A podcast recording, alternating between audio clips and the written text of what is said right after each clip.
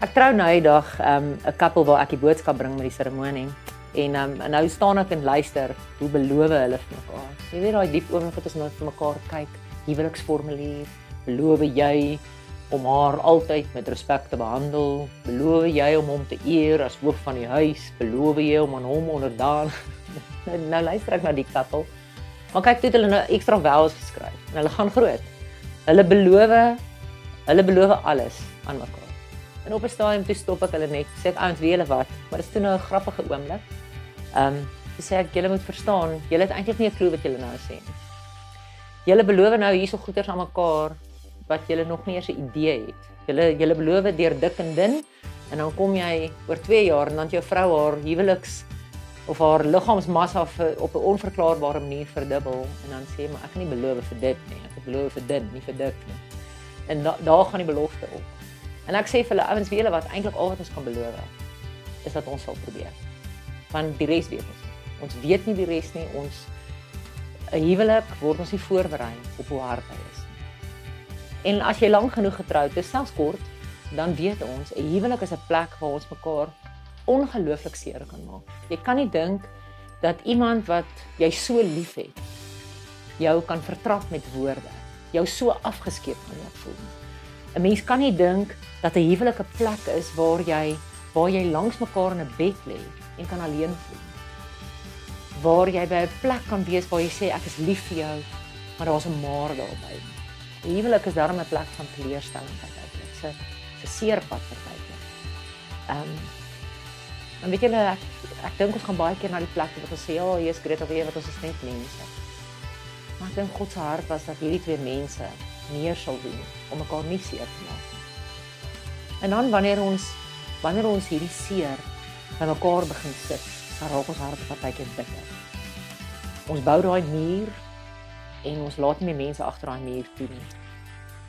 En dan dan weet jy dalk saam met my weet dat geen huwelik kan regtig gesond wees en end uit oorleef sonder dat ons mekaar op 'n stadium moet vergewe.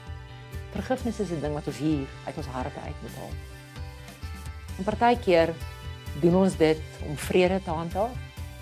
Ons sê partykeer ek weet wat Greta kon net hierdie ding agter my sit. Ek wil net ek wil dit net verby kry.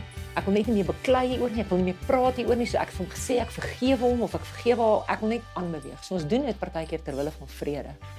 Partykeer doen ons dit ter wille van survival.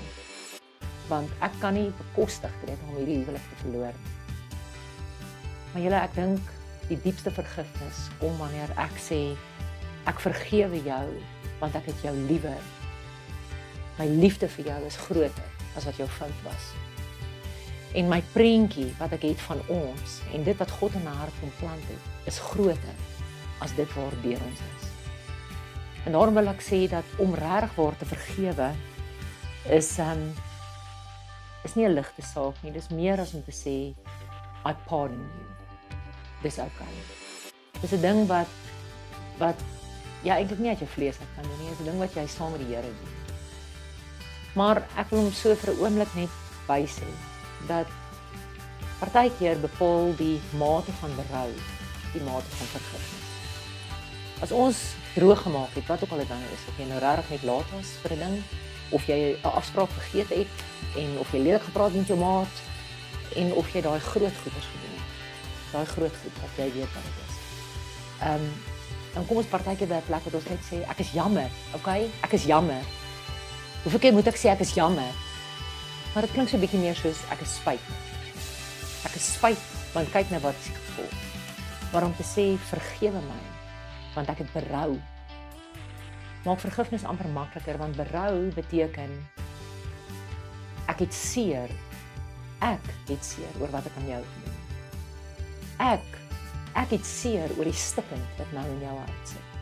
En wanneer ek 'n stuk van myself breek voor jou en ek kry daai berou, dan gebeur daar iets groots in die huwelik. Want dit beteken jy het my so lief dat my pyn jou pyn is. En wanneer jy begrip het vir my pyn in 'n huwelik, dan word jy my veilige spasie. Dan het ons intimiteit. Dan het ons 'n stuk binding tussen ons wat eintlik niks kan steel nie. Beste dinge in 'n huwelik gebeur baie keer nadat die slegste goeders verby is. Die beste groei vind baie keer plaas na oomblikke van intense bloed.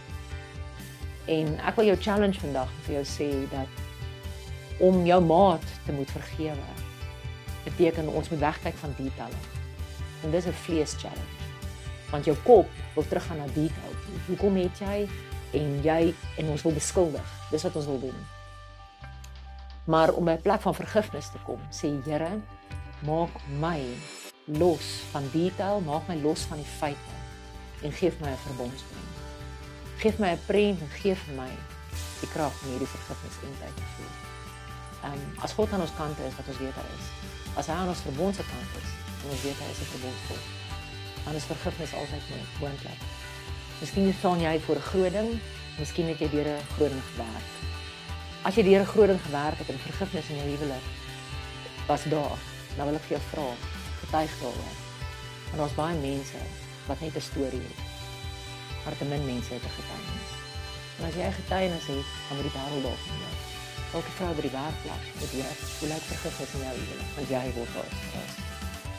En as jy voor 'n groot ding staan, dan wil ek net vir jou sê, God los ons nie halfpad nie. Vergifnis is vir elke huwelik moontlik. Maar dit begin moontlik by jou.